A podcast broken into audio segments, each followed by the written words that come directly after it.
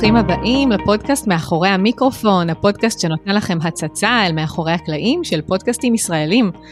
אני דנית בן דוד, היוצרת של הפודקאסט הזה וגם של פודקאסט על עקבים, פודקאסט על יזמות ואימהות. והיום אני מתרגשת לארח את דנה רגב. דנה, מה שלומך?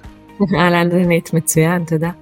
איזה כיף שאת פה, ממש, אחרי שנאלצנו לדחות אה, מספר פעמים את הריאיון. נכון. אה, אז אני קודם כל אני אציג אותך, אני אגיד שאת מאמנת לחשיבה יזמית, ואת יוצרת הפודקאסט מעלה בטוב, שקיים כבר מעל ארבע שנים, ופורסמו לו כבר מעל 110 פרקים. נכון. שזה מדהים. נכון, זה הבייבי שלי. כן, ואני אגיד גם שאנחנו גם מכירות כבר המון שנים, זאת אומרת בעצם יותר מארבע שנים, כי הוא קיים, הוא קיים מעל ארבע שנים, אז גם אנחנו ככה מכירות כבר תקופה מאוד מאוד ארוכה. מכירות חמש שנים. חמש כן. שנים, כן. אז uh, ממש ממש כיף, את היית ככה באחת הסדנאות הראשונות, הפרונטליות הראשונות שעשיתי. נכון. אז, uh, ממש כיף להיפגש עוד פעם, אמנם באונליין, אבל uh, כבר כולנו התרגלנו לאונליין, אז זה ככה מרגיש, uh, מרגיש ככה... טבעי. סבבה, טבעי לגמרי. אז אה, ניתן לך ככה להציג את עצמך, גם תספרי קצת עוד על עצמך, מה את עושה, אה, קצת כמובן על הפודקאסט, לשם כך התכנסנו כמובן, למה הקמת אותו, איך זה בכלל ככה, האם בכלל זה מתקשר לעסק שלך, אה, ונזרום ככה משם. יאללה, בסדר. טוב, אז האמת היא שאני, מה שאני עושה היום זה בעצם עוקב טרנספורמציה שעשיתי בחיים האישיים שלי והעסקיים שלי. בעצם עד לפני שמונה שנים הייתי מנהלת בחברת תיירות שהיא בבעלות שלנו, בעלות משפחתית, והתעסקתי גם בכל מה שקשור לעסקים וגם בהשקעות נדל"ן גם בארץ וגם בחו"ל.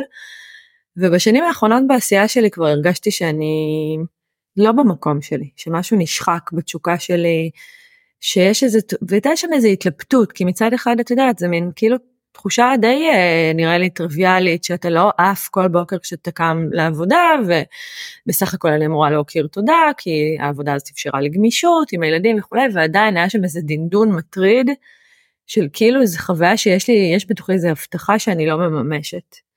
ובשנים האלה הלכתי עם המחשבה שהחלום שלי זה למצוא ולאתר את החלום שלי ובתור בן אדם פרגמטי ידעתי שוואנס אני אמצא אותו אני אפשיל שרוולים ואני אדע להגשים. אבל לא ידעתי מה החלום שלי וזה בעצם מה שהוביל אותי לתהליך שהוא תהליך מפרק בתפיסה שלי מפרק ובונה.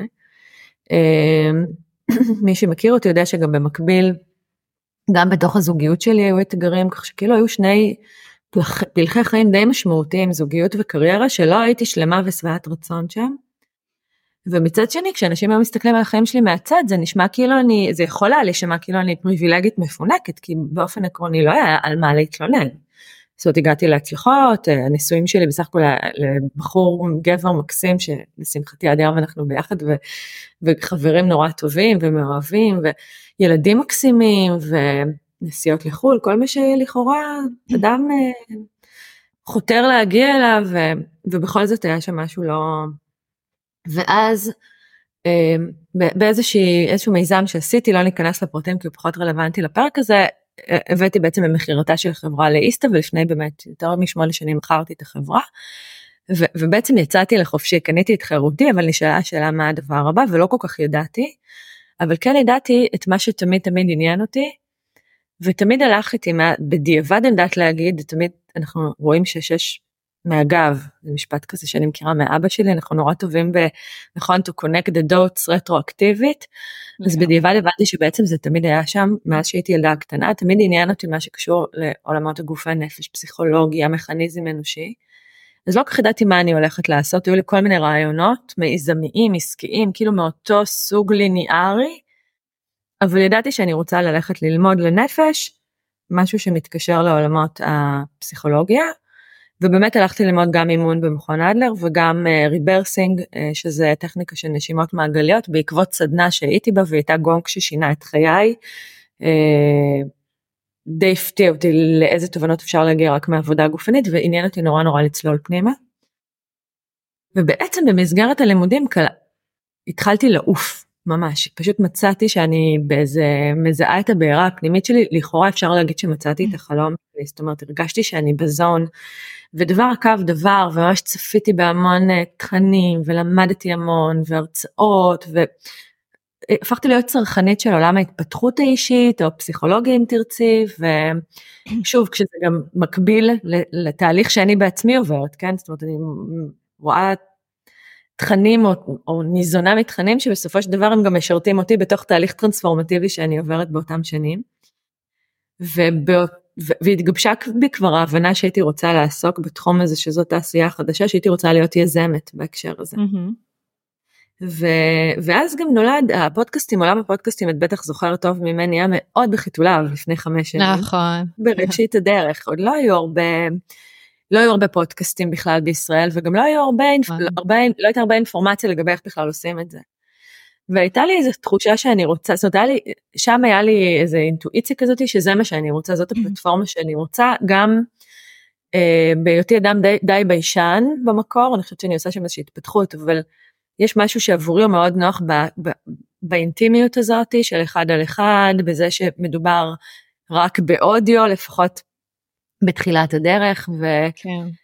וכאילו זה מין שיחה שקורית בין שני אנשים בחדר סגור ואני יכולה להגיע איתה לעומקים. גם העובדה שאפשר באמת בפודקאסט להגיע לעומק מאוד משמעותי זה לא סרטון רילס נכון? מאוד אה, נכון, סיסמתי נכון. ושטחי זה מאפשר איזה העמקה.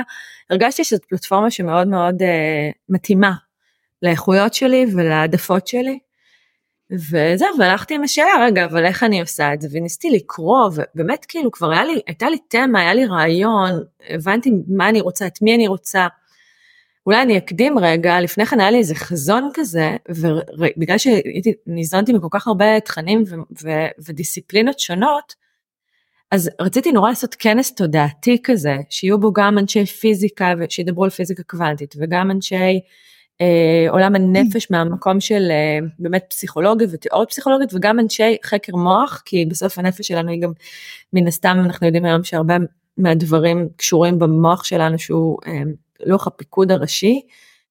ואנשים שמטפלים שמתעסקים בגוף ראיתי משהו שהוא הרבה יותר מולטי דיסציפלינרי ממשהו שהוא אה, חד ממדי ואני חושבת שזה גם משהו שאני מאוד מביאה היכולת שלי לעבור בין דיסציפלינות שונות ממעוף וציפור ולז, ו, ולזהות מגמות או קשרים או חיבורים.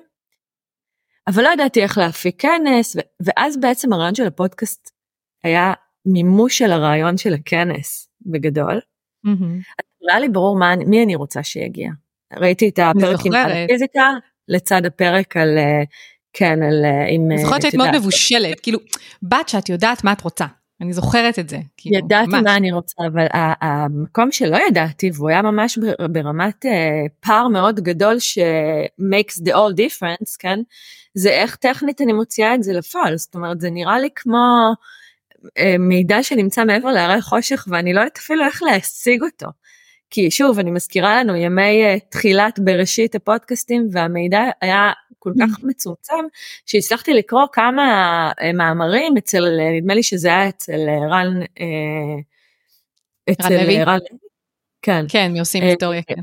וגם שם זאת אומרת לא קיבלתי באמת מידע איזה ציוד לרקוד איך מתחילים למה מקליטים מה מעלים איפה כאילו את, לפעמים הפרטים הטכניים שבדיעבד אגב אנחנו יודעים שברגע שאתה עובר את המשוכה הזאת הם הופכים להיות שקופים לנו אנחנו לא באמת מתעסקים. לגמרי. פודקסטרים אנחנו לא מתעסקים בציוד רוב הזמן אבל נכון. בשלב הראשוני זה היה ממש כמו משוכה. ואז זה סיפור שאת לא מכירה לדעתי. אני יוצאת עם חברה לערב הרצאות של אפוק טיימס ואנחנו יושבות בהרצליה בקהל ועולה מרצה איזה תשע הרצאות אחת אחרי השנייה ואחד המרצים שעולים אה, מבקש מאיתנו לעשות פעולה שאותי תמיד נורא נורא מביכה וזה להסתכל לצד שבו נמצא האדם שלא הגענו איתו כלומר בן אדם זר ולנהל איתו שיחה. מה שלומך, מי אתה, מאיפה וכולי. ואני כאילו, את יודעת, מממשת, אה, תלמידה טובה, אה, נפנית לצד ימין, מתחילה שיחה, ויושבת לצידי אישה מאוד נעימה ונחמדה, ואני שואלת אותה, היי, מה שמך? והיא אומרת לי את שמה, ואני אומרת ליאורה, ואני אומרת לה, נעים מאוד, דנה. ואז uh, היא שואלת אותי מה אני עושה, ואני מספרת לה, ואז אומרת לה, ומה את עושה? והיא אומרת לי, אני פודקאסטרית. וואו. בקיצור, ישבה בצד ימין, לימיני ישבה ליאורה רביד מהפודקאסט של התנ"ך, ולא הכרתי אותה אז, וזה, את מכירה את זה שלפעמים אה, יש איזה מין כזה, את יודעת, האירועים המיסטיים האלה שבהם מתכנס העולם לעזרתך? ממש. אני הולכת באותם ימים חלום גדול, לא יודעת איך לממש אותו, מתחילה לחפש בכל מיני דרכים קצוות חוט, ובהרצאה שבה ניתנת לי איזו משימה מפוקפקת כזאת, ואני זוכה להכיר את מי שבעצם סללה לי את הדרך אלייך, כי למחרת יואו, זה מטורף. טלפון, כן, זה הסינכרוניות שלי. זה כאילו, זה נראה לי כאילו אה, בדיוק הוכחה שכשאת מבקשת משהו מהיקום, הוא כאילו מתכנס כדי להשיג לך איזה, זה מטורף. אגב זה היה אחד, תחשבי גם באותה תקופה בתור בן אדם רציונלי שכאילו מבחינתו החיים קורים לו והוא לא בורא אותם ואני מתחילה לעשות טרנספורמציה ותפיסות עולם שלי מתחילות לקרוס לתוך עצמם ואחת המחשבות שלי זה שאולי באמת לרצון שלי יש כוח וזה קורה באותם זמנים. אז זה אחד הסימנים המשמעותיים הראיות הפורנזיות המהותיות שאספתי בדרך כדי להגיד היי כן אפשר אז אה, כן אז ככה זה התחיל ואז בעצם בשיחת טלפון הייתה מאוד אדיבה והיא פשוט אמרה לי תפני לדנין בן דוד היא תיקח אותך עד הדרך כל הדרך עד לה, עד להקלטה הראשונה ובעצם ככה הגעתי אלייך ובאמת בסדנה הזו שהייתה לדעתי מאוד קצרה של ארבע שעות. כן. יצאתי עם כל האינפורמציה שאני צריכה כדי לצאת לדרך. ובאותה שנה, אני חושבת שחודשיים אחר כך כבר התחלתי להקליט, יצרתי ארסנל, וחודשיים אחר כך כבר הפודקאסט היה באוויר. ומאז נכון. ארבע וחצי שנים. נכון, זה מטורף. קודם כל, אני אגיד שאני מאוד אוהבת את הפודקאסט שלך, אני האזנתי לו בעבר וחזרתי להאזין ככה לקראת ה... לקראת הראיון, והאזנתי ככה ללא מעט פרקים, ואני אגיד קודם כל שאני מאוד מאוד אה, אוהבת את ה... זה, זה הפתיע אותי שאת אומרת שאת ביישנית במקור, כי שזה, אני חושבת שזה משהו מאוד מאוד יפה בפודקאסט באמת, שכאילו גם האנשים הכי ביישנים, שגם אני מעידה על עצמי, אני, אני באמת בן אדם מאוד אה, ביישן בכללי במהות, ואני מצליחה להביא מעצמי משהו אחר, כשאני מראיינת, כשאני מול מצלמה, מול מיקרופון. אה, אז קודם כל זה קסם של פודקאסטים, אני חושבת, של הפלטפורמה הזו באופן כללי, ואני גם אגיד שאני מאוד מאוד אוהבת איך שאת מגישה ומנגישה את התכנים בפודקאסט, את ה... כאילו משהו מאוד בולט לי אצלך בהתחלה, זה באמת את הדיבור המאוד מאוד נעים, אה, מאוד רגוע, לא לחוץ, לא... כאילו, וזה מהפרקים הראשונים דרך אגב, זאת אומרת, ממש, אני הקשבתי אפילו גם לפרקים הראשונים, ואז קפצתי, אני תמיד אוהבת ככה לעשות, את יודעת, לקפוץ מפה לשם, זה מאוד מאוד בולט ככה בפודקאסט שלך, אז אני מאוד מאוד אוהבת את זה. תודה. אמ, את יודעת, אגב, שזה אחד הדברים המפתיעים שיצא לי לשמוע, אגב, זה גם שיקוף שאני שומעת לאחרונה, כל הקטע של הרוגע והכל, והרגש הכי דומיננטי שחוויתי כל חיי, אני חושבת שזה מעיד על תמורות שאני כנראה עוברת, היה לחץ. זאת אומרת, אם יש משהו שאי אפשר היה להגיד עליי, זה רגועה. וואו, ו- כן, זה מדהים. ואני, ואני באמת, בין השאר ההתפתחות שאני עוברת, היא, היא, היא מספקת לי מראה באמצעות אוזניים, כן, של אנשים אחרים ש, שמשקפים לי ואומרים לי, את נורא רגועה, או נורא... וזה כאילו מפתיע אותי, כי זה באמת אה, חיווי מאוד חדש בחיי. כן, זה, אני מאוד מזדהה עם זה, זה בדיוק דיברנו מקודם, לפני שהתחלנו להקליט, כמה שהשנתיים האחרונות עברו עליי מאוד, מי שמכיר אותי יודע, כאילו המון המון אה, דברים ככה שעברתי בשנתיים האלו, וכאילו זה כמו האסקפיזם שלי, הראיונות, לשבת, פתאום לשים את המיקרופון, לשים את האוזניות עליי, להתנתק מהכל, ופשוט ככה להיכנס לה, להקלטה, זה כאילו, אני, זה כאילו, לא יודעת, מדגיש פן אחר, גם בי וגם נותן לי, אה, פתאום להיות קצת, אה, לא יודעת, להזכיר לעצמי את, את עצמי, לא יודעת איך להסביר את זה, כן. אבל אותי, כן. זה הזמן שלו, כן. ממש, אז זה מדהים. אז אה, וואו, איזה מדהים, הדמת אותי עם הסיפור, אני מכירה את, אה, את ליאורה גם המון שנים, אגב, אה, היא גם אחת מהפודקסטריות הראשונות, ככה בארץ, נכון, ואני גם נכון. כשהתחלתי לפני איזה שבע שנים את פודקאסט על עקבים, אני הייתי, הרגשתי שאני עוף מוזר פה בארץ, בתור אישה שעושה פודקאסט, אני זוכרת שאפילו, את דיברת על רילסים וכאלה, כמה שזה שונה וכמה פודקאסט יש לו עומק, ששוחחתי עם אה, נשים שהן רגילות נורא לעניין הזה של לעשות אה, וידאוים והכל נורא מהיר ופה שם, ו, והן אמרו לי, מה, מה הקטע של הפודקאסט? זה, זה לא יתפוס, כאילו זה לא, אני לא מצליחה להבין את הקונספט של הדבר הזה. כאילו, זה יותר מדי ארוך, כאילו מה שעה עכשיו פרק, זה לא, זה לא יתפוס. זה, ו... זה, אני חושבת שזה שיעור חשוב בכלל לאנשים, כי הרבה פעמים אנשים, אנחנו נוטים נורא לדבר במין... אה, להגיע למין מסקנות חותכות, כאילו יש מין דרך how life should be ואז יהיה מי שיספר איך משווקים עסק ויש מי שיגיד לך איך לגדל ילדים ויש מי שיגיד איך זוגיות צריכה להיראות והאמת היא שאין תשובה אחת, יש מיליארדי אנשים בעולם וכל אחד יש לו טביעת אצבע מאוד ייחודית, אין עוד אחת כזאת, מה שאומר שיש אין ספור דרכים לחיות את החיים וזה נכון גם לגבי האופן שבו אנחנו צורכים מידע או הערוצים השיווקיים של העסקים שלנו כי בעבור אדם כמוני כל מה שקשור לקליפיות וצילומים וכולי זה, זה אני לא אומרת שזה בכלל לא אבל זה פחות אני וגם כצרכנית מידע אני בן אדם שזה צורך שלי כן מה שאני מספקת זה מה שאני זקוקה לו אני צריכה להעמיק פנימה אני רוצה להבין את הרעיון ממש כאילו לנתח אותו ולהבין מה עומד מאחוריו ולתקף אותו. לא מספיק לי שמישהו יגיד משהו שיהיה נורא ארוז ו... נכון. ואסתטי. אז, אז גם בהקשר הזה אין נכון או לא נכון, יש כנראה שיש אמ, לקוחות וקהל לכל מיני סוגים של כל מיני מוצרים או תכנים או שירותים. נכון, אז תקף נכון. גם לגבי הערוץ הזה. לגמרי. טוב, מה ש... המציאות מספרת שזה הצליח, כן, הרעיון אבל. לגמרי, כן, נעשה ספוילר, או שלא. האמת שבאמת לאחרונה אני רואה הרבה, גם שואלים אותי, וגם בכללי אני רואה הרבה פוסטים של, אז איך משווקים פודקאסט, אז איך לשווק, ואת יודעת, כאילו בסדר, אז יש את לעשות את השטאנץ הזה של, כולם עושים את זה עכשיו, לעשות uh, סרטונים קצרים, ולפרסם אותם כמו טיזרים, שזה אחלה, זה נחמד, אה, זה לא מעמיק, אבל זה נחמד, זה נותן איזושהי הצצה. וכמובן, כאילו, יש עוד הרבה דרכים, אה, כמו להתראיין בפודקאסטים אחרים, וכאילו, יש הרבה, הרבה, באמת הרבה, ולבנות קהילה. אבל אני חושבת שכאילו זו שאלה שהיא מאוד, אה, כאילו בסוף, בסוף, בסוף כל אחד צריך למצוא לעצמו את הדרך שמתאימה, או את הדרכים שמתאימות לא לשווק את הפודקאסט. כאילו, אני לא בהכרח עושה את כל מה ש... כאילו, כביכול פודקאסטרים אחרים יגידו, כי אני, כי אני לא מתחברת לזה. כאילו כל הווידאוים המהוקצעים האלו. את יודעת מה ממש יפה לדעתי בפלטפורמה הזאתי? בתוך עולם, אנחנו חיים בעולם מאוד פלסטיקי. ויש בו גם הרבה פייק, אנחנו ערות לזה, נכון? לגמרי. אי אפשר to fake פודקאסט, זאת אומרת, נכון. אה, בגלל זה רוב ההתפתחות וההשמעות של פודקאסטים קורות באופן אורגני. כלומר, גם אם אני אצליח לייצר איזה פאנל שיווקי נורא מופתי ומדויק וכזה שקורה, אם בסוף את תגיעי לשעה ולא יהיה לך מעניין, את לא תהיי שם. נכון. אז את זה אי אפשר לזייף, זאת אומרת, וכדי שאנשים ישקיעו את החצי שעה, שעה, תלוי בפורמט, זמן הקשבה, את יודעת, התחרות הכי גדולה היום בעולם, אנשים חושבים שזה על, תמיד לאנשים יש איזה כל מיני מחשבות בכל מיני תעשיות שהתחרות היא על X או על Y, התחרות היא על קשב. לגמרי.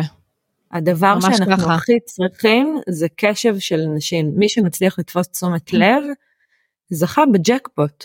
וכדי לזכות בתשומת לב של אדם, אתה צריך לספק משהו שהוא בעל ערך, ואם לא תעשה את זה בסוף, את יודעת, עם כל האריזות הכי צבעוניות, זה לא תופס.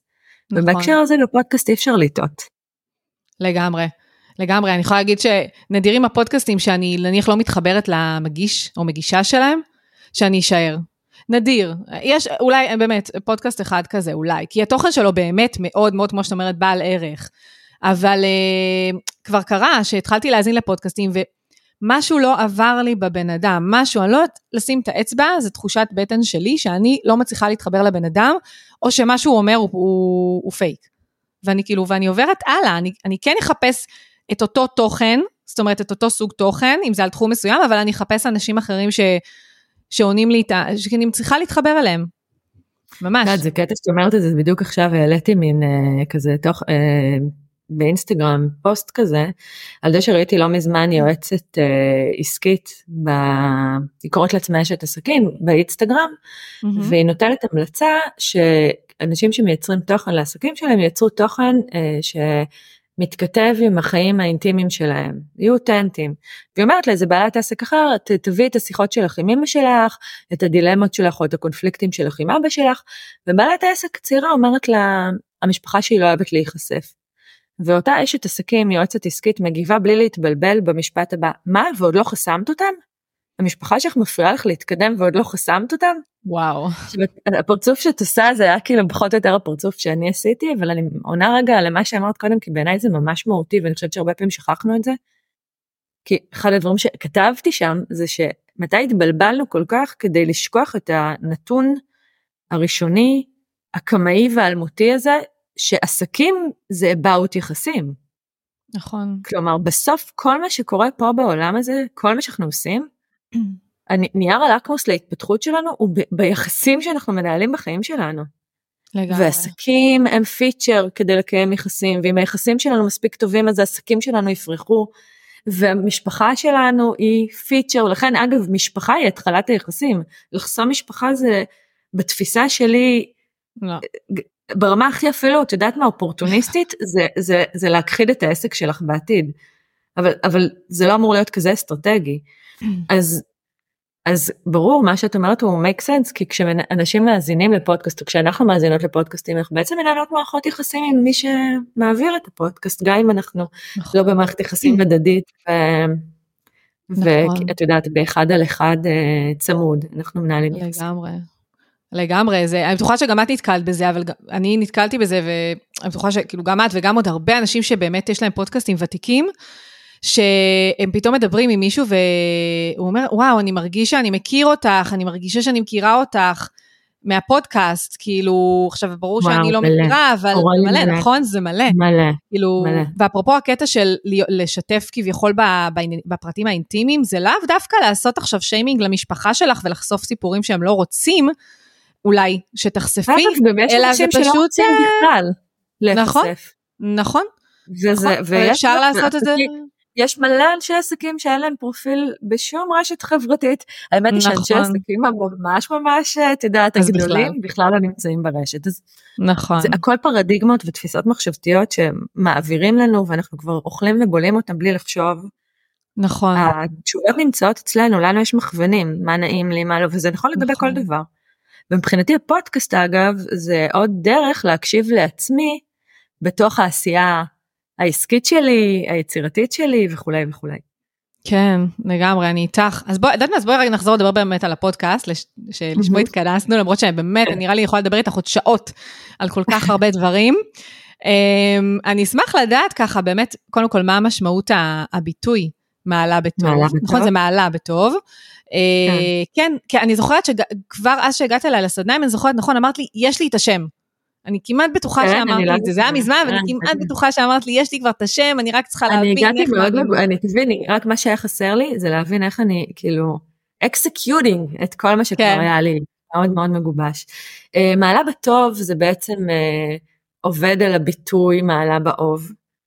אה, אגב מה שסיפרתי קודם באמת התחלתי לגלות בעצמי שהרבה דברים שהם כאילו היו מיסטיים פתאום נתפסים אצלי כמשהו שאולי יכול להיות, או מצאתי מדע שתומך בזה, כמו לדוגמה הפיזיקה הקוונטית לדוגמה שמאששת את הרעיון שכולנו מחוברים, וואו איזה מטורף את יודעת, אז, אז, אז זה קצת מתכתב עם הרעיון של מעלה באוב, אבל בעצם זה מכיל שתי מילים שהן אה, משמעותיות בעיניי, אחד זה מעלה, וירצ'ו, סגולה, Mm-hmm. והשנייה זה טוב, כאילו, ואני חושבת שאני באה לשאול שאלות שהמטרה שלהם זה לבחון איך אנחנו יכולים להיטיב איתנו, מתוך הנחת עבודה, וזאת הנחת עבודה הכי מהותית שלי, שאדם שטוב לו לא מזיק.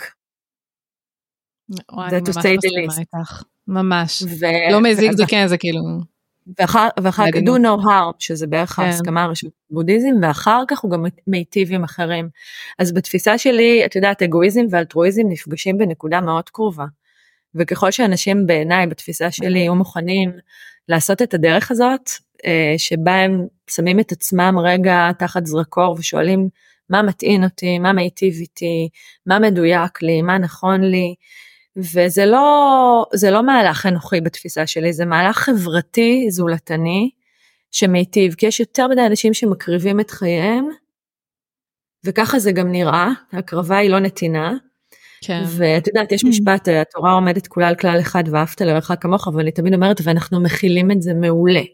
אנחנו פשוט לא כל כך אוהבים את עצמנו. אז, אז, כן. זאת, אז זאת המטרה, אוקיי? ובעצם זה התחיל מ... תחושה כמו שאת מבינה אישית לחלוטין. זאת אומרת זאת שליחות שמתכתבת עם, ה, עם הסיפור שלי עם התחושה שלי שלי לא טוב שאני לא כל כך יודעת איך להיטיב עם עצמי שאני עוקבת אחרי כל מיני צריכים חיצוניים ומגלה שאני לא באמת במקום שלי ואז גם זה משפריץ לי בזוגיות שלי או ביחסים שלי עם אחרים ו, ואת הדבר הזה רציתי לתקן, ודרך התיקון הזה אני מקווה שאני גם עוזרת לאחרים לעשות תיקון לעצמם, לשמחתי. אני יכולה להגיד, דיברת על זה שאנשים לפעמים פונים ואומרים, אני מרגיש שאני מכיר אותך, או אני מכירה אותך, או אני... כי אני גם הרבה פעמים מביאה באמת אה, אלמנטים מהחיים האישיים שלי. אה, אני חושבת שאחד החיוויים שבאמת, ומי שמקבל את זה, הוא מבין כמה זה לא יסולא בפז, וזה יותר כנראה מכל תשלום שנקבל אי פעם, זה כשאנשים כותבים לי, החיים שלי השתנו ללא היכר מאז שאני מאזין, או שמתקשרת אליי שבוע מישהי שהיא אפילו מוכרת ובכירה מאוד במשק ואומרת בזכותך עזבתי את העבודה. שזה, מדהים. אני לא מתכוונת לקחת חסות על, על, את יודעת, על אה, הפחתה של מיסוי אה, במס הכנסה, אבל אני יודעת שכשבן אדם אומר את זה הוא מתכוון לזה שהוא לקח את המושכות לידיו ושהוא התחיל לשאול את עצמו שאלות. אז כשאני מקבלת חיוויים כאלה מבחינתי וואו, זכיתי. אז באמת. במקום הנכון גם. כן, אני במקום כן. שלי. וואי, זה מדהים. Uh, האמת שמה שאמרת באמת לגבי עניין של האלטרואיזם, אגואיזם, בדיוק מה ששמעתי עם הפרק, uh, כשהתחלתי להקשיב לפרק עם uh, דוקטור uh, נאדר בוטו, שהוא דיבר על זה שאנשים שעסוקים בעצמם, לעומת אנשים שהם כאילו מבינים שיש להם משמעות גדולה יותר, uh, מזה שהם נמצאים פה, להיות בנתינה. כן, שהם חיים מתוך איזו תחושה של ייעוד, כי כל מה שתיארתי נכון. עכשיו בעצם זה המסע שלי לכיוון הייעוד שלי, מה שאני קוראת לו היום, אגב, ומי שמאזין לפודקאסט מאוד מכיר את צמד המילים האלה, אזור הגאונות. נכון. ואני בעצם עוזרת לאנשים, אה, אני חושבת היום, אה, להתחקות אחרי אזור הגאונות שלהם, מתוך הבנה שלכל אחד יש כזה. אני באמת מאמינה בזה היום. לכל אחד כן. יש את אזור הגאונות שלו, אם הוא רק לומד מהו, mm. וזה לא מסע פשוט, ואין לזה איזה נוסחה נורא נורא, נוסחת קסם או מתכון, אבל בתפיסה שלי אזור הגאונות זה מודל נורא יפה ומאוד לוגי, שהוא מילה מקבילה לייעוד, ולתפיסתי כשאנחנו נמצאים שם, כשדיברתי על להיטיב איתנו, זה לא הרחבה של הנהנתנות בחיים שלנו, שזה בסדר, אין עם זה שום בעיה, לשתות את הנקטר של החיים זה נהדר, ואפשר לצאת למסיבות ולנסוע לחו"ל, ו... אבל שתינו יודעות שלא שם, אנחנו חוות את עצמנו במלואנו. זה לא נכון, גודינה, זה הנאה נכון, חיצונית, ממש. שהיא לא, היא לא קשורה, היא לא, היא לא נותנת לנו את התחושה הכי מהותית, שהיא תחושת הנחיצות הפנימית, תחושה שיש לי משמעות, תחושה שהשפעתי על מישהו. אז כשאני מדברת על אזור הגאונות ועל להיטיב איתנו, אני מדברת על זה שלכל אחד יש את האפשרות, ושוב אני אומרת זה לא, זה לא מסע קל או פשוט, בוודאי שהוא גם מאתגר, אבל לכל אחד בתפיסה שלי יש את האפשרות להתחקות אחרי הנק... הפעולות או האזור או הנושא שכשהוא עושה בו, כן? אז התרומה שלו היא מקסימלית, וזה גם מתחבר עם התשוקה שלו ועם היכולות שלו, וזאת חוויה שלא תסולא בפז, באמת. כן, אני ממש מזדהה, כאילו, אני ממש יכולה להבין על מה את מדברת, כי לי לקח המון זמן להגיע, כאילו, למה שאני חווה היום, שזה בדיוק זה, שזה ה... ה כאילו, אני במקום הנכון, את מבינה? כאילו, אני... מה זה הזה שלך אנשים... בתפיסה שלך? מה זה הדבר הזה שאת מרגישה שהגעת אליו, שאת עושה? כאילו כל ה... יש לי, טוב לא אמרתי את זה, אני לרוב אומרת את זה בתחילת הפרק, יש לי המון תכנים באתר על הקמת פודקאסטים.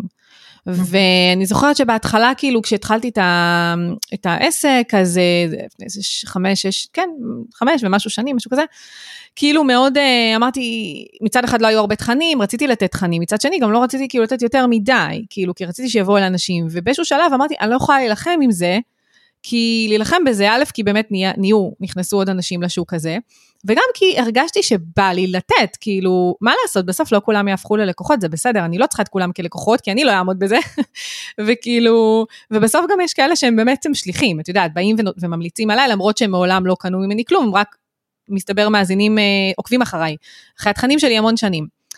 וכאילו ברגע ששחררתי את זה והתחלתי לדבר פשוט על מה שבא לי לדבר שאני, ואני יודעת שיכול לעזור, והתחלתי לקבל המון פידבקים, שבוע, לפני כמה, אני כל הזמן מקבלת הודעות, אבל כאילו התקשר אליי מישהו ואמר לי, שאל אותי שאלה, ואז הוא אמר לי, דרך אגב, ממש תודה על כל התכנים שלך. אין לי מושג מי זה דרך כלל, אני לא הכרתי אותו, לא מכירה אותו.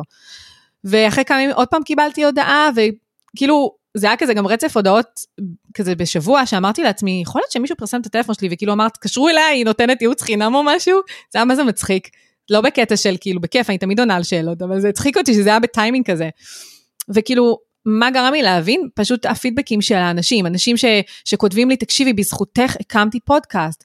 בזכותך עשיתי, בזכותך זה, כאילו... השנייה שלי נמצאת בצומת, כמובן זה צריכה להדהד ולאשר את זה, שמאפשרת לאנשים לייצר את הבמה שלהם בעולם. כן. ו- וזה כנראה מגביה אנשים, לא סתם את תשתמש במילה עקבים בפודקאסט הקודם, הראשון שלך, המקביל לזה. אה, יש משהו ביכולת לייצר במה שהוא מגביה. ואני חושבת שזאת כנראה השליחות שלך. פה. כן, כן, וואי, זה מצחיק, כן, אני שמעתי את זה לא מעט פעמים שאמרו לי את זה, אני פחות אוהבת להשתמש כאילו בביטוי שליחות, או ייעוד, למרות שאזור הגאונות זה, זה מהמם, זה כאילו, זה נראה לי ייחודי לך, אני לא יודעת, כאילו, את, זה ביטוי שאת אה, ככה חשבת לא, עליו? לא, אני תמיד נותנת את הקרדיט לפסיכולוג אה, דוקטור גיא הנדריקס, הוא אמריקאי, mm-hmm. והוא טובה את זה, אבל בארץ אני אה, mm-hmm. עשיתי באז מאוד גדול עם המושג הזה, ואני גם חושבת שהקמתי, מין, אה, מידלתי מין אה, תבנית שיטתית כזאת לדרך להתחקות באמצעות שיש גם תוכנית ממש של 12 מפגשים פרונטליים שאני מעבירה לאנשים שחווים את החוויה הזאת, שיש להם לכאורה הכל ובכל זאת לא mm-hmm. טוב להם, ואנחנו ממש עושים אה, תהליך שמתחכה ומקצר את הדרך לטובת היכרות עם הדבר הזה. אז כן, אני עושה עם זה עבודה, אבל זה מושג שבהחלט גיא הנדריק זכאי לקרדיט עליו. Mm-hmm, מדהים. אז אז ממש אהבתי את המושג, אני גם אגיד, אמרת ככה באמת בהתחלה, שכביכול היה לך הכל מהצד, אבל את הרגשת שמשהו לא, שמשהו חסר, שמשהו לא טוב. אני חושבת שבימים אלו, מאז שהתחילה המלחמה, אני חושבת שאין בן אדם שלא מרגיש ככה. אני מרגישה את זה כל פעם שאני מקטרת שהבת שלי עוד פעם חולה והיא בבית ואני לא, לא מצליחה לעשות מספיק דברים, שאני לא מספיק, לא יודעת, שאי אפשר עכשיו, אני אישית מרגישה אני לא בטוח לטוס לחו"ל, או כל מיני דברים, כאילו שאני אני כאילו מקטרת על דברים שהם שוליים, ואז אני תופסת את עצמי ואני אומרת, מה את מקטרת על זה?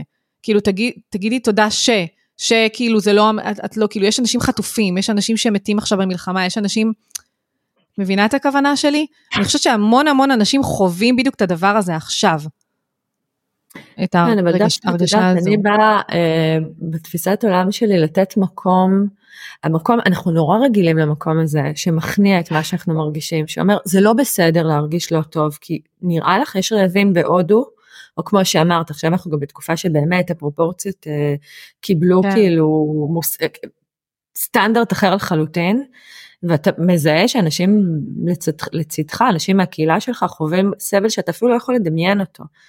אז אוטומטית מה שאנחנו עושים בלי לשים לב זה מספרים לעצמנו שלא מגיע לנו שאסור שנרגיש או שזה לא בסדר ש...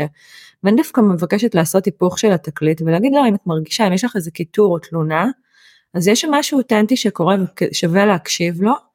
ואנחנו לומדים איך לתרגם תלונה לבקשה כן מה משאלת הלב mm-hmm. שמסתתרת מאחורי התלונה אבל לא הייתי כל כך בקלות מעודדת אותך לסתום לעצמך את הפה mm-hmm. ולהגיד אז בואי נכיר תודה על מה שיש זה בסדר גם לזהות שיש בי מקומות לא שבעי רצון ולתת להם כן, מקום. כן. אוקיי, אז אה, וואו, שוב אנחנו גולשות. נראה לי שהפרק הזה הולך להיות ארוך במיוחד, אבל אני בעד פרקים ארוכים. אה, אז בואי ככה תשתפי קצת אה, באמת מאחורי הקלעים של העשייה. קודם כל, משהו שמאוד בלט אצלך בפודקאסט, זה שאת...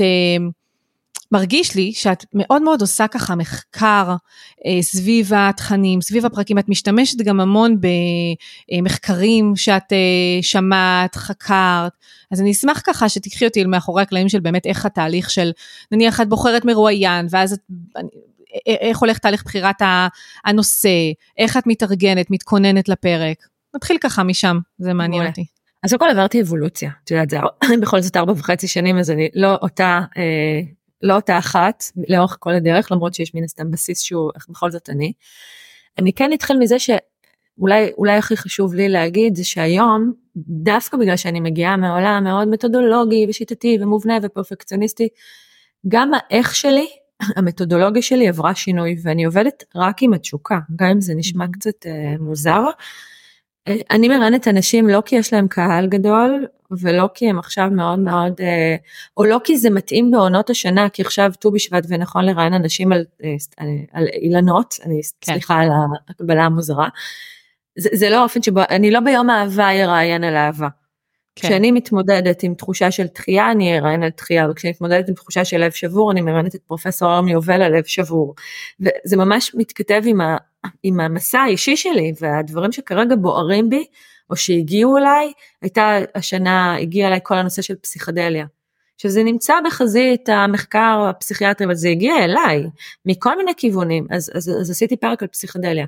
אז, אז קודם כל נתחיל מזה שאני לא עובדת לא עם גאנט ולא עם צריכים, אלא באמת עם איזושהי שאלה מה קרה, מאז השבעה באוקטובר אגב, כל הפרקים, פשוט הזנחתי את כל התמה, וכל הפרקים היו בניסיון להבין מה זה תודעה קולקטיבית שמייצרת מופע אימים כזה. כן. וממש כל פעם ראיינתי אה, גורם אחר, איש תודעה, רוח, כדי לנסות להבין איזשהו סדק בתוך הסיפור הקולקטיבי התודעתי שלנו, שמייצר את המציאות הזאת. אז זה אחד. הדבר השני זה כן, אני, אני נוטה לעשות מחקר לפני, זאת אומרת, אני מבחינתי, אגב, כשיצאתי עם הפודקאסט, הגדרתי לו שלוש מטרות, שעד היום אני מרגישה שאני עומדת בהשגתן. הראשון, הראשון, הראשונה הייתה ללמוד, לנעוץ למידה, אני, זה אחד הערכים החשובים בחיים שלי, וכשאני מחויבת לעצמי להוציא פרק אחד לשבועיים, זה מחייב אותי ללמוד כל הזמן. אני לא יכולה להזניח את האוטודידקטיות הזאת, זה מחייב אותי כל הזמן אה, למלא את המיכל הזה ולא לשקוט. אז אה, ולכן גם נורא חשוב שזה יהיה דברים שהם בתשוקה, כי אחרת אני אשתעמם מהלימוד שלי, אז אני לומדת דברים שמעניינים אותי. אז זו הייתה מטרה אחת. המטרה השנייה הייתה לבנות לעצמי נטוורק של אנשים שמעניין אותי לפגוש. עכשיו תחשבי, את יודעת, בהתחלה אני זוכרת שהייתי כזה, אחרי שנים שאני מגיעה למשרד, פוגשת את אותם אנשים, עושה... אני מוצאת את עצמי כל שבוע נפגשתי עם אנשים שהם מרתקים אותי, אנשים שאני עוקבת אחריהם בהשתאות, והם יושבים אצלי בבית מול מיקרופון, מנהלים שיחה, והם פתאום הופכים להיות אנשים שאני מכירה אישית, זה פשוט זכות אז זאת הייתה המטרה השנייה באמת להרחיב את הנטוורק ולהימצא בחוויה שבה אני מייצרת לעצמי מציאות שבה אני נמצאת עם אנשים שמאוד מאוד מזינים אותי. והמטרה השלישית הייתה ערוץ שיווקי. אמ, וכמו שאת יודעת הפודקאסט הוא מאוד לא מסחרי וזה לא שהוא נכון. שיווקי במובן של בחיים לא אמרתי בואו אליי אני מאמנת זה לא האופן שבו אני עובדת. אבל ברגע שבן אדם מוכן לקחת מקום ולשים את הקול שלו הייחודי את הסגנון שלו, את צורת החשיבה שלו, כבר מתחיל כאן איזשהו תהליך ואנשים שמגיעים אליי אחר כך לתהליך אישי או קבוצתי הם אנשים שהם לא אני חושבת ברוב המקרים זה אין להם שאלה לגבי מי הם רוצים שילווה אותם זה כבר לגמרי משחק מבושל ואז אז גם בהקשר הזה אני יכולה להגיד שזאת הייתה מטרה ששמתי לעצמי אה, והיא לגמרי נותנת את אה, אותותיה ועונה לבקשה שלי. אה, הלמידה שלי היא זה תלוי נורא בפרק שם עברתי כן אבולוציה זאת אומרת בתקופה האחרונה אני מרגישה שאני מרשה לעצמי להגיע לפעמים גם פחות מעובדת ממה שהייתי בהתחלה בהתחלה הצד הנורא מתוכנן ופרפקציוניסטי שלי החזיק את, יכולתי לקרוא שלושה ספרים לטובת פרק אחד. וואו.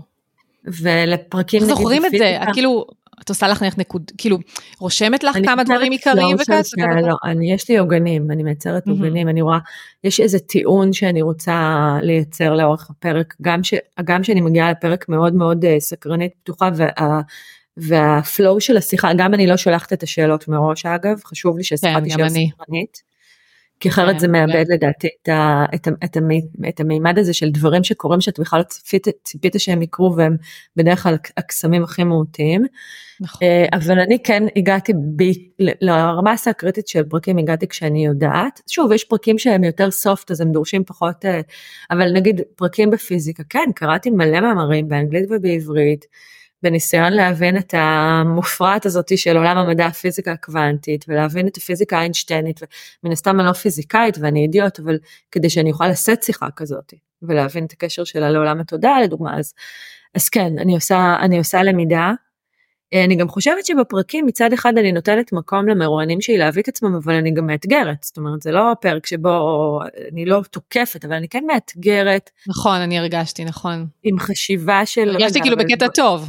בקטע טוב כן, כן כמובן. כן, זה, זה מאוד נעים, זה לא אתגור כן. שמייצר קיבוץ, אבל uh, אני, בגלל שאני לומדת ככה, כדי שאני אוכל לתקף מידע, אני צריכה לתקוף אותו קצת. אז זה גם האופן שבו הפרקים מובנים, זה בגדול, כן. נדמה לי שזאת המתודולוגיה שלי.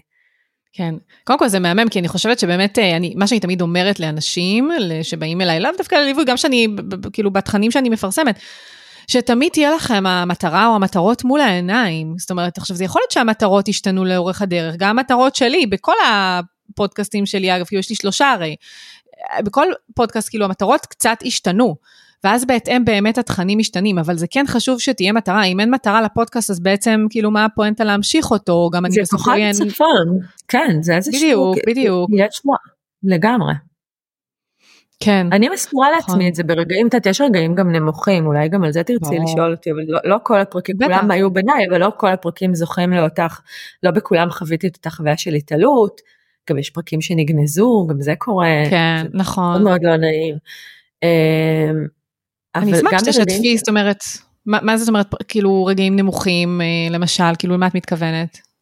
לדוגמה עוד תקופות שאני מרגישה שאני לא הבעירה הזאת ומה נורא בא לי להביא עכשיו לא כזה מדויק או ברור לי או וזה קצת יותר כזה טוב צריך אחת לשבועיים להוציא פרק וזה מבאס mm-hmm. אותי להיות במקום של צריך להוציא אחת לשבועיים פרק ולא כי נורא בא לי לראיין את x y או z בתחום הזה הזה והזה. Mm-hmm. אז זה יכול להיות כיוון אחד. Uh, כיוון אחר יכול להיות, את יודעת, כשנגיד היו לי הרבה פעמים שאלות, אני יצאתי לשם להקשר הזה של uh, יצירת פודקאסט ממקום שמבקש להיות מאוד לא תחרותית. מה זאת אומרת? שהתוצאה לא תהיה מה שמנחה אותי, אלא הדרך, ההנאה שלי מהדרך, הנאמנות שלי לדרך, עם זה יצאתי, אבל בהיותי בן אדם שמגיע ממסורת אלפאית, שזה מה שאני מבשרת לעולם זה מה שאני בעצם צריכה לעשות עבודה לעצמי בהקשר הזה. אה, אז הרבה פעמים גם הייתה לי שאלה, הפודקאסט הוא מאוד מושמע, כן, יש לו הרבה מאוד הורדות, והוא בסך הכל הגיע ל... אבל כאילו ת, תמיד יש לי את השאלה למה הוא לא מקום אחד, למה הוא לא מקום שני, זאת אומרת יש, לי, יש בתוכי את הדבר הזה, כן, שש, שתוהה. ואז אלה מקומות שמנמיכים אותי, השאלות האלה, כשאני שואלת את השאלות האלה, מה, ואז ישר אוטומטית זה הולך לחוויית אשמה, אולי אני לא מספיק מעניינת, אולי אני לא עושה מספיק טוב, אוטומטית זה לוקח אותי לשיח לא נעים, אז יש גם כאלה, אני, אני רוצה שזה יישמע מאוד עגול ולא רק uh, הגלורי כן. שכרוך בזה, כי כן, זה, אז זה צד אחד, תראי, הצד הש... הנוסף של זה, היום זה פחות נוכח, אבל בהתחלה זה היה מאוד נוכח, אתה מוציא את עצמך אאודר. נכון. ובתור בן אדם אנונימי לחלוטין, שרגע מוצא את עצמו ופתאום הופך להיות מוכר בקרב נישה מסוימת של אנשים, יש איזה, זה מרעיד את הכל ויש נכון. רעד אה, קל בכנף אה, לא מעט פעמים, ובטח אם אמרתי משהו שאולי הוא קצת אה, לא יודעת מה, לא קונטרוברסיאלי או לא קונצנזואלי, אז זה מעלה, אני חושבת שעם הזמן אני פשוט, זה כמו כל דבר, ברגע שאתה גדל אז זה כבר נהיה כאילו you own it, זה כבר צריך אתגר יותר גדול. היום אני כבר די שמה את עצמי פרקדן ואני כן ערה ללא לפגוע בבני המשפחה שלי ולהיות, לשים לב. יש בנים מתבגרים לשים לב שאני לא לא בלי לשים לב מפרה את האינטימיות שלהם הם לא בחרו שיהיה לי פודקאסט mm-hmm. וזה לא כן. לא בחרו לחשוף את פרטי חיים אז שם אני כן מנסה לתת הרבה מחשבה. אבל את עצמי אני, אני כבר עם זה מרגישה די אה, נוח כבר זה פחות מערער אותי אבל בהתחלה כן היו מקומות שתהיתי התלבטתי כן להגיד כן להוציא לא להוציא כזה. כן וואי אני ממש מזדהה ומבינה על מה את מדברת. ממש ממש. כן, זה חשוף, להיות, uh, כן, זה ממש חשוף. לגמרי. ממש. אם את משחררת כמובן אה, את עצמך, זאת לא משחררת בקטע של, לא, נגיד כל מה שזה, אלא משחררת בקטע של, כאילו, אני פה כדי, uh, כאילו, לתת, uh, כאילו לתת את עצמי, כאילו לחשוף את עצמי, כן, להראות את עצמי. נכון. not about me. אבל ברגע נכון, שאתה, זה אבל עדיין. ברגע שאתה מביא קודם כל אני כן משתפת כדי, נכון. כי אני לא אשתף דברים שקורים בקליניקה, אז אני כן אשתף במחשבות שלי, כי שוב, זה לא הוגן לחשוף אחרים, אני לא עושה אוטינג לאחרים, אז אני יכולה רק לעשות לעצמי כדי להמחיש דברים. זה נכון. אחד. ושתיים, גם עצם העובדה שאתה מביא את עצמך החוצה, יוצא לאור, זאת חשיפה. ותגיד נכון. על זה, אגב, ברנה בראון, שאומץ הולך עם פגיעות, זה אין אומץ כאילו שהוא נטול אה, פחד או נטול וול, המקום החשוף והרגיש והפגיע הזה. אז כן, אנחנו, once אנחנו יוצאים החוצה, אנחנו הופכים את עצמנו לפגיעים יותר. נכון, למושאים לביקורת, לנתונים לגיחוך, את יודעת. זה... נכון. וואי, זה עוד יותר טוב, אני לא, אני, יש איזה פרויקט שאני מאוד בקרוב מקווה שאני אתחיל לעבוד עליו, שזה קשור בדיוק לעניין של כאבי גדילה עם פודקאסט, זאת אומרת, אה, כבר שוחחתי על כך עם כמה אה, פודקאסטרים שיש להם פודקאסט כבר ותיק, ויש להם כבר, אה, עברו כברת דרך, והם בדיוק במקום הזה. של הכאבי גדילה, אני קוראת לזה, לא יודעת, כאילו, נשמע לי ככה, כאילו, החששות האלו, ה... וואי, אז אני כבר מתה לצאת עם הפרויקט הזה, אבל אה, לא יכולה לספר עליו עדיין, אבל זה כיף, זה מחזק לי את, ה... אה, את העובדה שיש צורך, כאילו, בדבר הזה. אז אה, אבל אני חושבת שכן ואני גם חושבת שזה נכון להגדיר את זה ככאבי גדילה כי אחרי הכאב מגיעה הגדילה ואז כבר פחות כואב עד לגדילה נכון, הבאה. נכון. כן. יפה אז אז את, את אמרת באמת שזה נכון הפודקאסט הוא מאוד לא מסחרי כן שמעתי בפרק האחרון שדיברת באמת על התוכנית של אזור הגאונות, ובאמת נכון. נכנסתי, הסתכלתי והכל, אה, אבל זה נעשה כאילו מאוד בטעם, אני חושבת. יש הרבה אנשים שחוששים באמת אה, אה, לשווק נקרא לזה בפודקאסט. אני אשמח ככה באמת לשמוע, מכיוון שבאמת הפודקאסט הוא מאוד לא, לא מסחרי, לא שיווקי, איך זה באמת תורם לך אמרת כמובן שאנשים כשהם מגיעים, הם מגיעים מבושלים, כי הם רוצים אותך, אני מזדהה מאוד עם זה. אמ, אם יש משהו נוסף, זאת אומרת, אה, איך זה באמת תורם לך עוד מבחינה היסטורית? אני אענה על זה מכמה זוויות. אחת, mm-hmm. אחת השאלות שאנחנו שואלים כשאנחנו רוצים להבין מה הבן אדם הוא באמת, הוא בתשוקה שלו, והוא לא קשור למחיאות כפיים של הקהל או לתוצאות, כי אנחנו מכוותים להכרה, ורובנו עושים דברים או כדי לשרוד או כדי ש... ימחאו לנו כפיים שזה גם הישרדות אגב מחיית כפיים זה, זה עדות לזה שאנחנו שייכים ושלא ידיחו אותנו מהשבט וזה קריטי לכולנו. אז כשאנחנו רוצים להבין רגע מה בן אדם היה עושה בלי קשר להישרדות שלו. אחת השאלות זה מה היית עושה אם היית נשאר אנונימי או מה היית עושה אם היית לא היית בוודאות יודע שלא תתפרנס מזה. אז קודם כל אפיק אחד של התשובה שלי היא שעל הפודקאסט מכל הדברים שאני עושה על הפודקאסט אני לא אוותר כרגע בשלב הזה שאני נמצאת בו במובן הזה של בין אם הוא יספק או לא יספק ייתן או לא ייתן מוניטיזציה או לא מוניטיזציה מבחינתי זה דבר שהייתי עושה stand alone. Mm-hmm.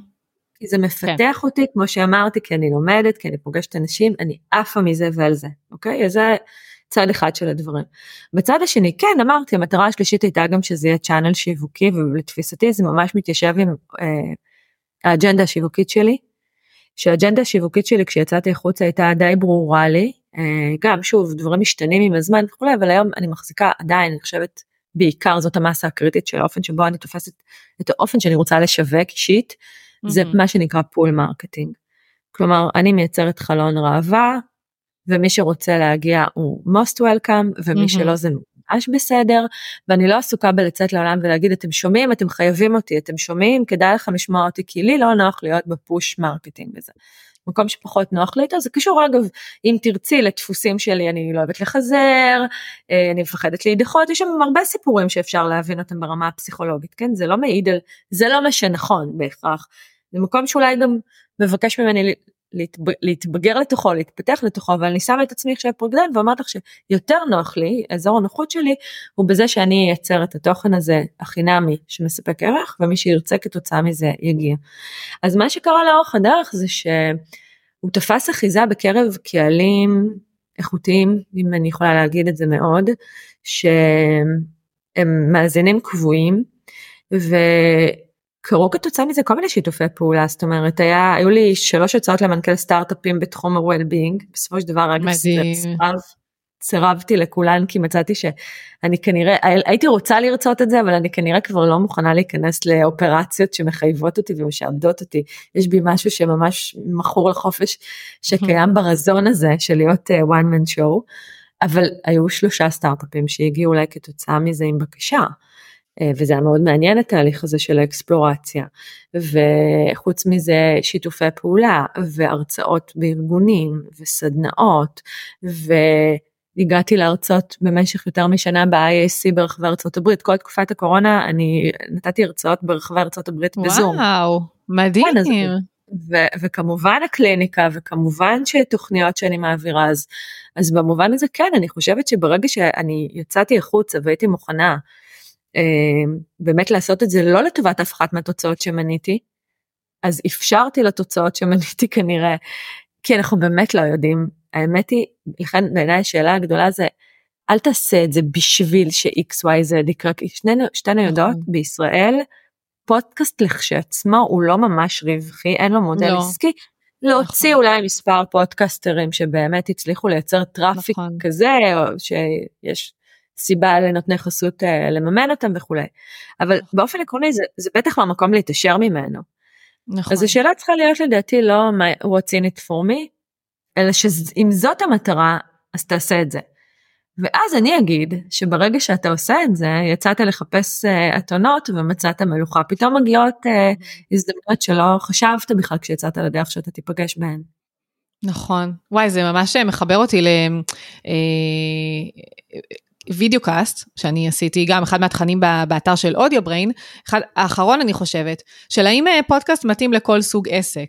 כי כאילו הייתי אצל קוסמטיקאית והיא שאלה אותי, אמרה לי, שמעתי באמת שפודקאסט זה עכשיו הדבר כאילו, ואז מה את אומרת כאילו להקים פודקאסט? וכאילו זה בדיוק מה שאני אומרת, כאילו גם אם uh, כביכול את קוסמטיקאית ומה שאת מחפשת זה כאילו זה הלקוחות שלך הסופיים שיבואו לעשות טיפול ופודקאסט זה פחות הדרך לעשות את זה כאילו זה לא מה שיביא לך כאילו הפודקאסט עצמו יביא לך את הטיפול הבא, כי את צריכה להראות מה את עושה וכאלה, אבל הפודקאסט יכול לתת לך כל כך הרבה דברים אחרים. כאילו אה, ליצור מותג, אה, הוא יכול לחשוף אותך לקהל חדש, לתת לך אה, המון הזדמנויות של שיתופי פעולה. פתאום הצעות יגיעו, הצעות שאת אולי לא חשבת עליהן, אני גם כן אה, מאוד מזדהה עם העניין הזה שלי אה, נניח אה, פנו אליי לא מעט פעמים ורצו שאני אהיה אה, שותפה בפודקאסטים אחרים, או שאני אבוא ואני אראיין. אה, גם בפודקאסטים, אה, שכאילו אין לי, אין לי כאילו קשר כל כך, כאילו פשוט באמת כנראה שמעו ואהבו את הסגנון ו- ורצו שאני אשתתף. כאילו, אז בעיקרון, מבחינתי כן, אני חושבת שפודקאסט מתאים לכל סוג עסק, אבל גם תלוי, כי תמננו את התוכן, תבינו איזה תוכן מתאים לאיזה פלטפורמה. אם את קוסמטיקאית ואת רוצה כאילו את הלקוחות, לכי ותעשי רילסים קצרים, תראי איך את עושה טיפול פנים. תראי איך את כאילו עושה את ה... לא יודעת, האקסטרה של, של המסאז' וזה. ואם את רוצה משהו יותר עמוק מזה, ואם את רוצה... קוסמטיקאית, אני חושבת שנורא בא לך לדבר עם אנשים על, על anti-aging, ושיבינו את נכון. התהליכים שקורים, ואיך לשמור על בריאות, אז יכול להיות שאת עופי בפודקאסט, אבל זה באמת נכון. מחזיר אותנו למי אנחנו בסיפור הזה, ולא מה נכון בדיוק. לעשות. בדיוק, ממש ככה, ממש ממש ככה. אז, אה, אז אני ממש מסכימה עם, אה, עם מה שאמרת. כאילו, זה, זה כלי באמת באמת סופר סופר עוצמתי. ממש. אני כאילו מוכרת פה עכשיו פודקאסט, אבל... סליחה. לא, לא, הכל טוב, דברי.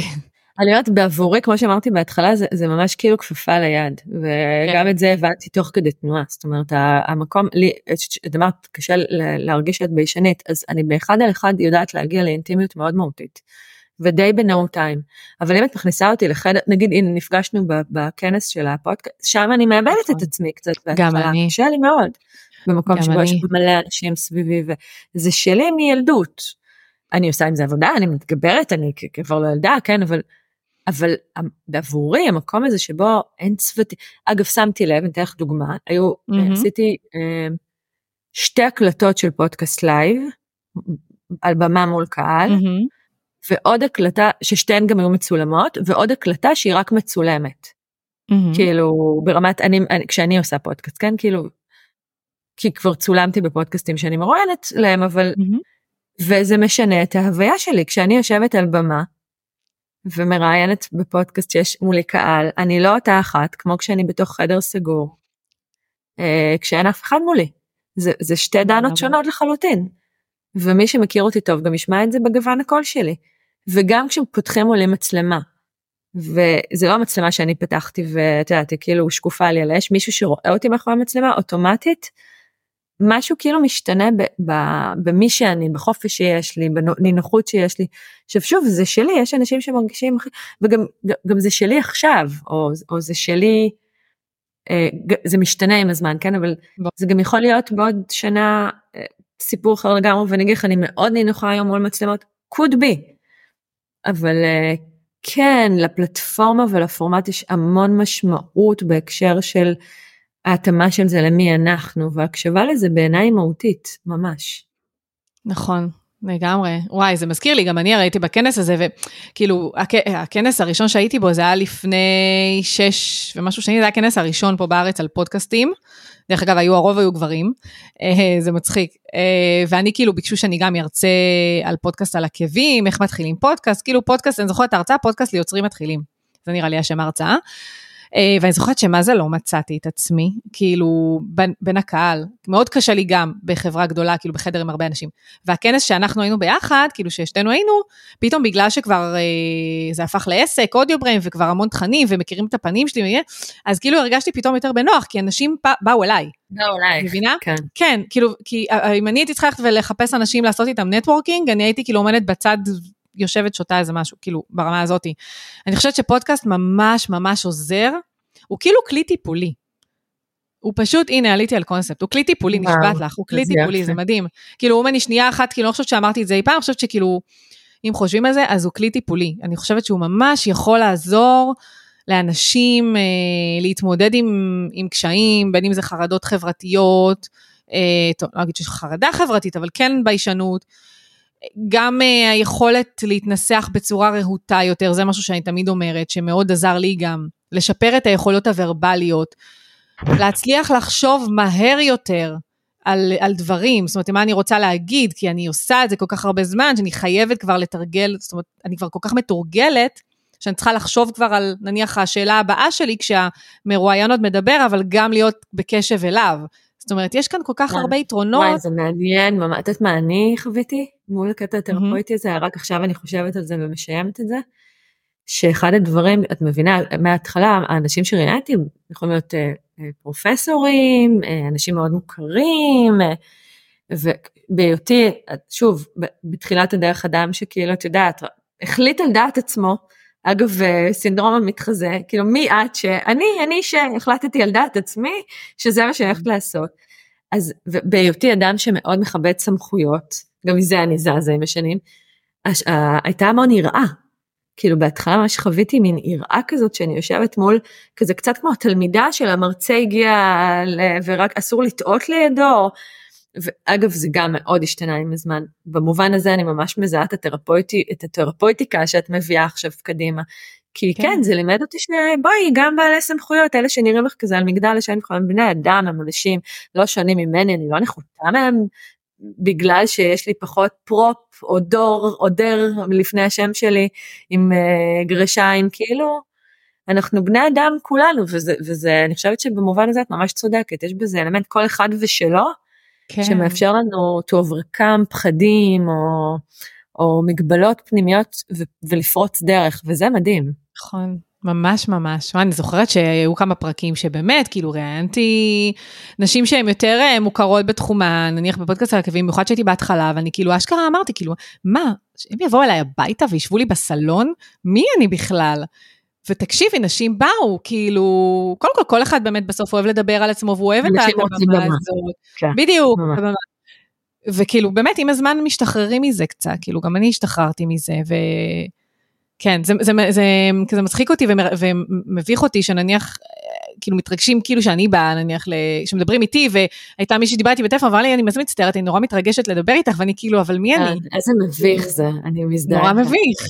כן. באמת מי אני? כאילו, זה מצחיק אותי, לפעמים הבן שלי כאילו ביוטיוב, ואז הוא רואה סרטון שלי, היי אמא, את ביוטיוב. אני כזה, בסדר, כל אחד יכול להיות ביוטיוב. כאילו. את יודעת, זה נורא מעניין, אבל כי באמת המטרה היא, שלי לפחות, זה לא, לא, כאילו הפער הזה שבין לא להתנסה ולהיות איזה באיזה חוויה של איזה VIP כזה מטעם עצמך, ומצד כן. שני גם לא לחוות את עצמך כנכות בעולם.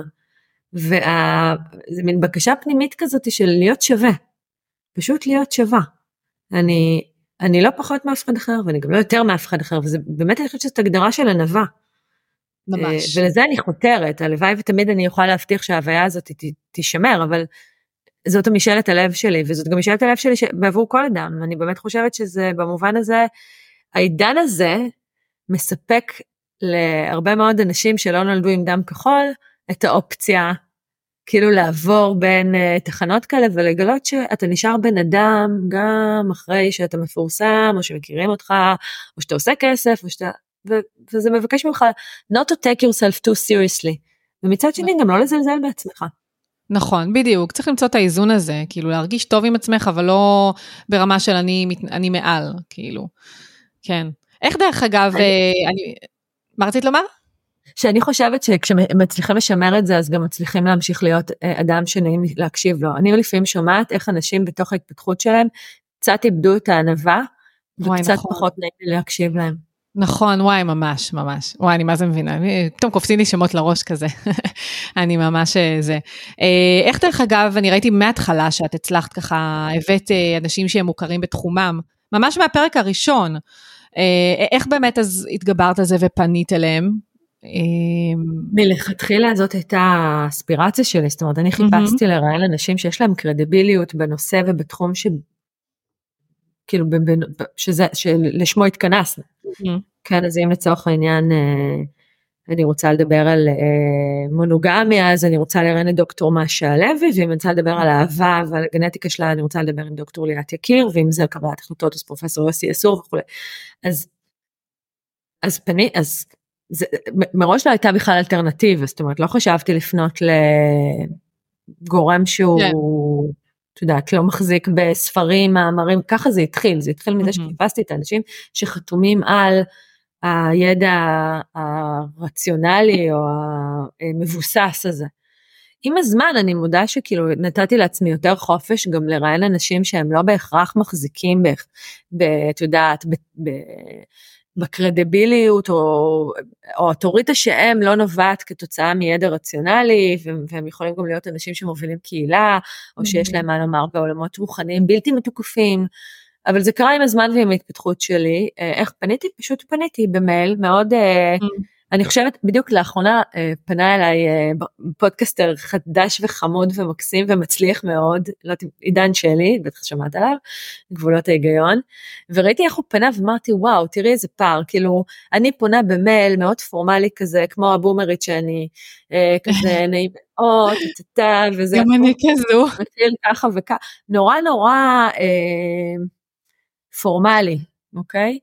כן. והוא פנה אליי באינסטגרם, איוש דנה, אני מה זה אוהב להקשיב לך, ואני מתה לה, משהו הרבה יותר כן. נגיש ו... ופרנדלי כזה, וזה גם היה מין שיקוף כזה שאמר לי, שיש מצב שאני כאילו, את יודעת, ששווה גם לבדוק את זה, כאילו, את, כן. את הפנייה, כאילו, אם היא לא מרוחקת מדי, או...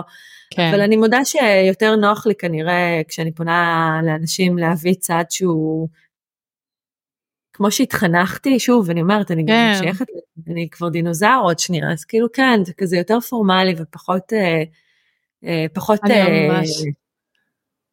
ממש מתחברת לזה, אימא'לה, הייתה מישהי שפניתי אליה בדיוק ככה, היי, נעים מאוד, זה וזה, וזה, טק, טק, טק, טק, טק, טק, ואז היא עונה לי, יאללה. אני כזה, מה יאללה? עכשיו כתבתי לך שעה, כאילו, הודעה, מה יאללה? זה היה כאילו, קטע מצחיק, ממש. ואז באמת גם אני אמרתי לעצמי, רגע, אולי באמת אני צריכה להתחיל אמ, קצת לצאת מהפורמליות, כאילו, ואז אני כאילו, אז אני אגיד שנניח כל מרואיין, מרואיינת, אני פונה בדרך כאילו ש... שאני חושבת שמתאימה לפנות אליו. אני כמובן עושה מחקר קודם, בודקת אני מנסה לגבש ככה החלטה, האם מייל כדאי, האם דרך מישהו, האם כאילו בפייסבוק, כל אחד אני ככה, אני עושה כזה ניסוי וטבע, מנסה ככה לרכך את הפורמליות שלי. כן. אה, וואי, איזה קטע. מצחיק, אגב, זה באמת הדברים הלא מדוברים האלה, אבל כזה, אני כזה, מביאה את זה קדימה, אני חושבת כאילו באמת על החוויה שאתה חווה כשאתה פונה, הרי מה מפחיד כשאתה פונה למישהו? מפחיד שלא יגיבו לך. נכון. או נכון. שידחו אותך. וזה נכון. קורה, גם זה קורה אגב. קורה נכון. שיש אנשים, יש לי מקרה, אם תרצי אני אספר אותו, שהוא, אני אנסה לעשות את זה בלי שיימינג, שהוא אחד המקרים הכי מלמדים בעבורי. אה, כשאני התחלתי ממש, אני חושבת שהייתה הפנייה הראשונה שלי. פניתי למישהי כן. דוקטור, כן. והיא מגיעה מהמקום שלמדתי בו, כאילו אני בלי, בלי יותר מדי, אה, את יודעת, אה, להצביע, לסגור את הפרטים האישיים, אבל. אני כן חשבתי שדווקא אם אני מגיעה מאיזושהי אסכולה מסוימת, אז יהיה הגיוני להביא מישהי ש... את יודעת, מייצגת את זה, שלא למדתי אצלה אישית, אבל היא מגיעה, היא כאילו... ו... ופניתי אליה בפנייה הנעימה הזאתי והפורמלית הזאת עם uh, המטרה וכולי, והתשובה mm-hmm. שקיבלתי הייתה תשובה כמעט נוזפנית. היא ענתה לי, עברתי על האתר שלך, ראיתי שלא כתוב מה ההשכלה שלך ומה ה-CV הקרייריסטי שלך. ומה, מה? מה ה-CV, כאילו מה עשית בקריירה. אוקיי. ותתקני את זה ותחזרי אליי ואני אשקול. ובהתחלה את יודעת, את מרגישה, הרגשתי, הייתי כבר מעל גיל 40, והרגשתי קפואה כמו ילדה בכיתה ד', שכרגע המנהלת אמרה לה, תצאי ותחזרי אחרי שהבאת הורים. אני בהלם. ולרגע זה היה כזה אוטומטית, את יודעת, החוויה שלי בקטעים האלה זה אני לא בסדר, או מה. כן. שנייה אחר כך לקח לי רגע להגיד, אני לא ביקשתי פידבק על האתר, אני לא מחויבת לכתוב את ההשכלה שלי ואני לא, זה בכלל לא, זה בכלל לא, לא רלוונטי לצור, לצור קשר. את רוצה, יש שתי תשובות אופציונלית, כן אני מעוניינת לבוא, לא אני לא רוצה. עכשיו, הייתי צריכה לעשות את העבודה הזאת עם עצמי כדי להגיד לעצמי, אני בעצם לא רוצה לראיין אותה. ממש, בכלל, בדיוק, ממש. שם. אבל, אני, למה אני אומרת את זה? כי מה הפחד הגדול לפני שאנחנו פונים? ש, שדברים כאלה יקרו. זה נורא נכון. מפחיד אותנו, זה לא, לא עובר לנו עם הזמן או עם הגיל. אנחנו באמת נורא מפחדים מתחייה. נכון. וסביב הדבר הזה אנחנו עושים כל מיני טקטיקות כאלה, איך לפנות, איך לזה, איך להבטיח את זה שלא ידחו אותנו. בסוף זה נכון. הבסיס של הדבר. אני חושבת, אגב, דיברת על תרפויטי, על כלי, כלי טיפולי, על הפודקאסט ככלי mm-hmm. טיפולי, כל, כל, כל, כל מצב שבו בן אדם נוקט באומץ בחיים שלו, ופודקאסט זה נגיד פיצ'ר אחד שמביא קדימה מבטא אומץ. נכון. הוא מבקש ממך להתגבר על הפחדים וגם להתמודד איתם. כלומר, אני חושבת נכון. שאין בן אדם שלא יוצא החוצה ולא עובר את מה שהוא פחד ממנו הכי. נכון. אם זה בטוקבקים לקבל ביקורת מאוד נסטי, ואם זה באמת שיגידו לך לא, ואם זה תחושה כזאת של או יגידו לך לא ואז את רואה בפודקאסט ליד שהוא הגיע מי שאמר לך שהוא נורא עסוק וכו' כן הדברים האלה קורים. נכון. והתפקיד שלי בתוך הסיפור הזה זה לעשות עבודה ולהבין שזה לא מגדיר את הערך שלי. נכון. וכל אחד עושה בעד עצמו ולא נגדי. ובשבילו נכון. נכון לו יותר לא להתראיין אצלי כרגע או להתראיין בפודקאסט אחר. לשמחתי רוב הזמן אומרים לי כן רוב הזמן זה מאוד הרמוני ונעים אבל יש גם יש כל מיני מפגשים, וזה לצאת החוצה לעולם, להסכים, כמו שברנה בראון אומר, להיכנס לארנה, להיכנס לזירה, לא להישאר ביציע כצופה פסיבי. נכון, אני חושבת שפודקאסט כאילו, זה כל הזמן מכריח אותנו להתמודד עם הפחדים שלנו, זה להיות, אה, להתמודד, אה, זה כאילו לפחד ולהתמודד כל פעם מחדש, בוא, לפני כל ראיון שאני עושה, לא משנה לאיזה פודקאסט, כל פעם שאני עולה ל live, כל פעם שאני עולה ל... ל כאילו, חלק אני עושה בווידאו, כאילו, את הפודקאסט סולו שלי, זה וידאוקאסט. כל פעם שאני עולה, אני אומרת, כאילו, אני צריכה להתמודד עם זה מחדש, גם כשעשיתי פגרה ארוכה בגלל כל מה שעברנו, השנתיים האלו וזה, עשיתי פגרה מאוד ארוכה, וכל פעם ניסיתי לחזור, וזה לא היה משהו רציף. וכל פעם מחדש זה היה, אימא'לה, זה היה גם התמודדות עוד יותר קשה, כי כאילו, אני לא הרגשתי כאילו... all over the place, uh, וזה כל כן, הזמן, וזה יכול להיות עם מרואיין ספציפי שפתאום מלחיץ אותי יותר. ברור. ממש. ולא רק שזה לא בהכרח נהיה פשוט יותר עם הזמן, עם הזמן זה מקבל כאילו גוונים אחרים, כי נגיד עם הזמן את יכולה להגיד אוי, אולי הפורמט כבר משעמם, אה, נכון. הפחד שאולי תפקיד להיות לא רלוונטית כי צפים כל מיני פורמטים חדשים ונשכניים ויותר נכון, קליפים. נכון. אז השאלות האלה מקבלות כל פעם כאילו כיוון אחר, אבל תמיד יש שם משהו שמשאיר אותך קצת אלרט מול האפשרות שבאיזשהו שלב יגידו אתה לא רלוונטי אתה לא מעניין. אתה... ואת יודעת וגם את זה צריך לקחת בחשבון שגם לא לעולם חוסן וגם לא כל דבר נכון, נשאר לעד גם אנחנו לא נשארים לעד אגב אז בטח נכון. שגם היצירות שלנו לא חייבות להישאר לעד. הן נכון. צריכות להמשיך לשרת אותנו ואת הקהלים וזה צריך גם לעמוד ו- וכל הזמן לשנן לעצמנו וזאת עבודה שזה לא מגדיר את הערך שלנו זה לא מה נכון. שמזכה אותנו בהצדקה לקיום שלנו יש לנו הצדקה לקיום יש לך שני ילדים קטנים. כן. תינוקת שלך הגיעה לעולם בדרכה פלאית, היא הייתה נחושה ונכון? כן. כשאת אהבת אותה, את לא אהבת אותה בזכות זה שהיא עשתה, השיגה, הייתה חרוצה, חכמה, את אהבת אותה בזכות היותה. That's נכון. It. ואת זה צריך להזכיר לעצמנו בתוך המסע הזה, גם כשאנחנו מתמודדים עם האתגרים האלה של לצאת החוצה ול, ולקבל מחיאות כפיים, שזה מאוד ממכר, ולצד זה לפעמים נכון. גם לא. נכון. זה קצת מחזיר אותנו לענווה, שזה לא נכון, לא יעלה לנו את זה כשמוחאים לנו כפיים, ושלא נכון. נתרסק יותר מדי כשמישהו מחליט לא למחוא כפיים, הכל בסדר, נכון. הכל בסדר. נכון. וואו, תקשיבי, אנחנו כאילו מעל שעה. אני, בכללי אני מאוד אה, אוהבת פרקים ארוכים, ככה שאני חושבת שכל עוד שאפשר להגיע לעומק ולתת עוד, וגם אני ככה, את יודעת, דרו, כאילו דרוכה וכיף לדבר, אני מה זה בעד כאילו פרקים ארוכים, אני הכי אוהבת, גם אני יודעת שהפודקאסט שלך הוא, הוא, הוא פרקים באמת של איזה שעה ככה, לפעמים שראיתי ארוך, אני מתה על זה. אה, אני חושבת שבכללי לא צריך להכניס פודקאסט למסגרת של פודקאסט סולו צריך להיות רבע שעה, פודקאסט רעיונות צריך להיות שלושת רבע שעה, אני חושבת שתבניות האלה סתם, באמת, כאילו, אני לא אוהבת את זה, אני אוהבת כל אחד את ה... יעשה מה שמרגיש לא נכון. אה, אז אני ממש יכולה להמשיך לדבר איתך עוד מלא מלא זמן, אה, אבל, אבל נראה לי שככה באמת אני, אני, אני אסכם, תכף אתן גם לך, ככה להגיד אם יש משהו נוסף שתרצי ככה להגיד ולסכם. אני אגיד שאני, קודם כל מרגישה שאנחנו מאוד מאוד דומות. בהרבה הרבה ככה אופנים שלא לא ידעתי, זה מדהים, כי הנה, שאת רואה בן אדם, פתאום מדברת איתו שיחת עומק, את כאילו מגלה דברים אה, אחרים, אה, כאילו פתאום מגלה ככה עוד צדדים, ומאוד מאוד נהניתי לעשות איתך את הפרק הזה, אני חושבת שזה פרק כאילו מאוד אה, חשוב. מאוד מאוד חשוב לכל פודקאסטר, לכל מי שרוצה להתחיל פודקאסט, אני בטוחה שהוא יעזור להרבה אנשים, כי אני בטוחה שכולם, גם הפודקאסטרים הכי כאילו גדולים, אה, מתמודדים עם, אה, עם פחדים. אה, נראה לי שאם, כאילו, ששמנו את עצמנו פה בפרק הזה ממש, גם אני וגם את. והיה לי ממש כיף לשוחח איתך, אני מאוד אוהבת את הפודקאסט שלך, ואני אשמח לשמוע אם את ככה רוצה לשתף משהו ככה לסיכום, ואני ככה מאוד, דרך אגב, כתבתי לי שאלות, כי גם אני אוהבת מאוד ככה לבוא מוכנה, אני גם חושבת שאין דבר כזה יותר מדי, להיות יותר מדי מוכנה. זאת אומרת, אני אוהבת להשאיר מקום לספונטניות, אבל לבוא מאוד מוכנה. ו, ו, ומאוד אהבתי את הכיוון שה, של, של הפרק, זאת אומרת, לאן, לאן ככה לקחנו אותו, אה, זה כיף.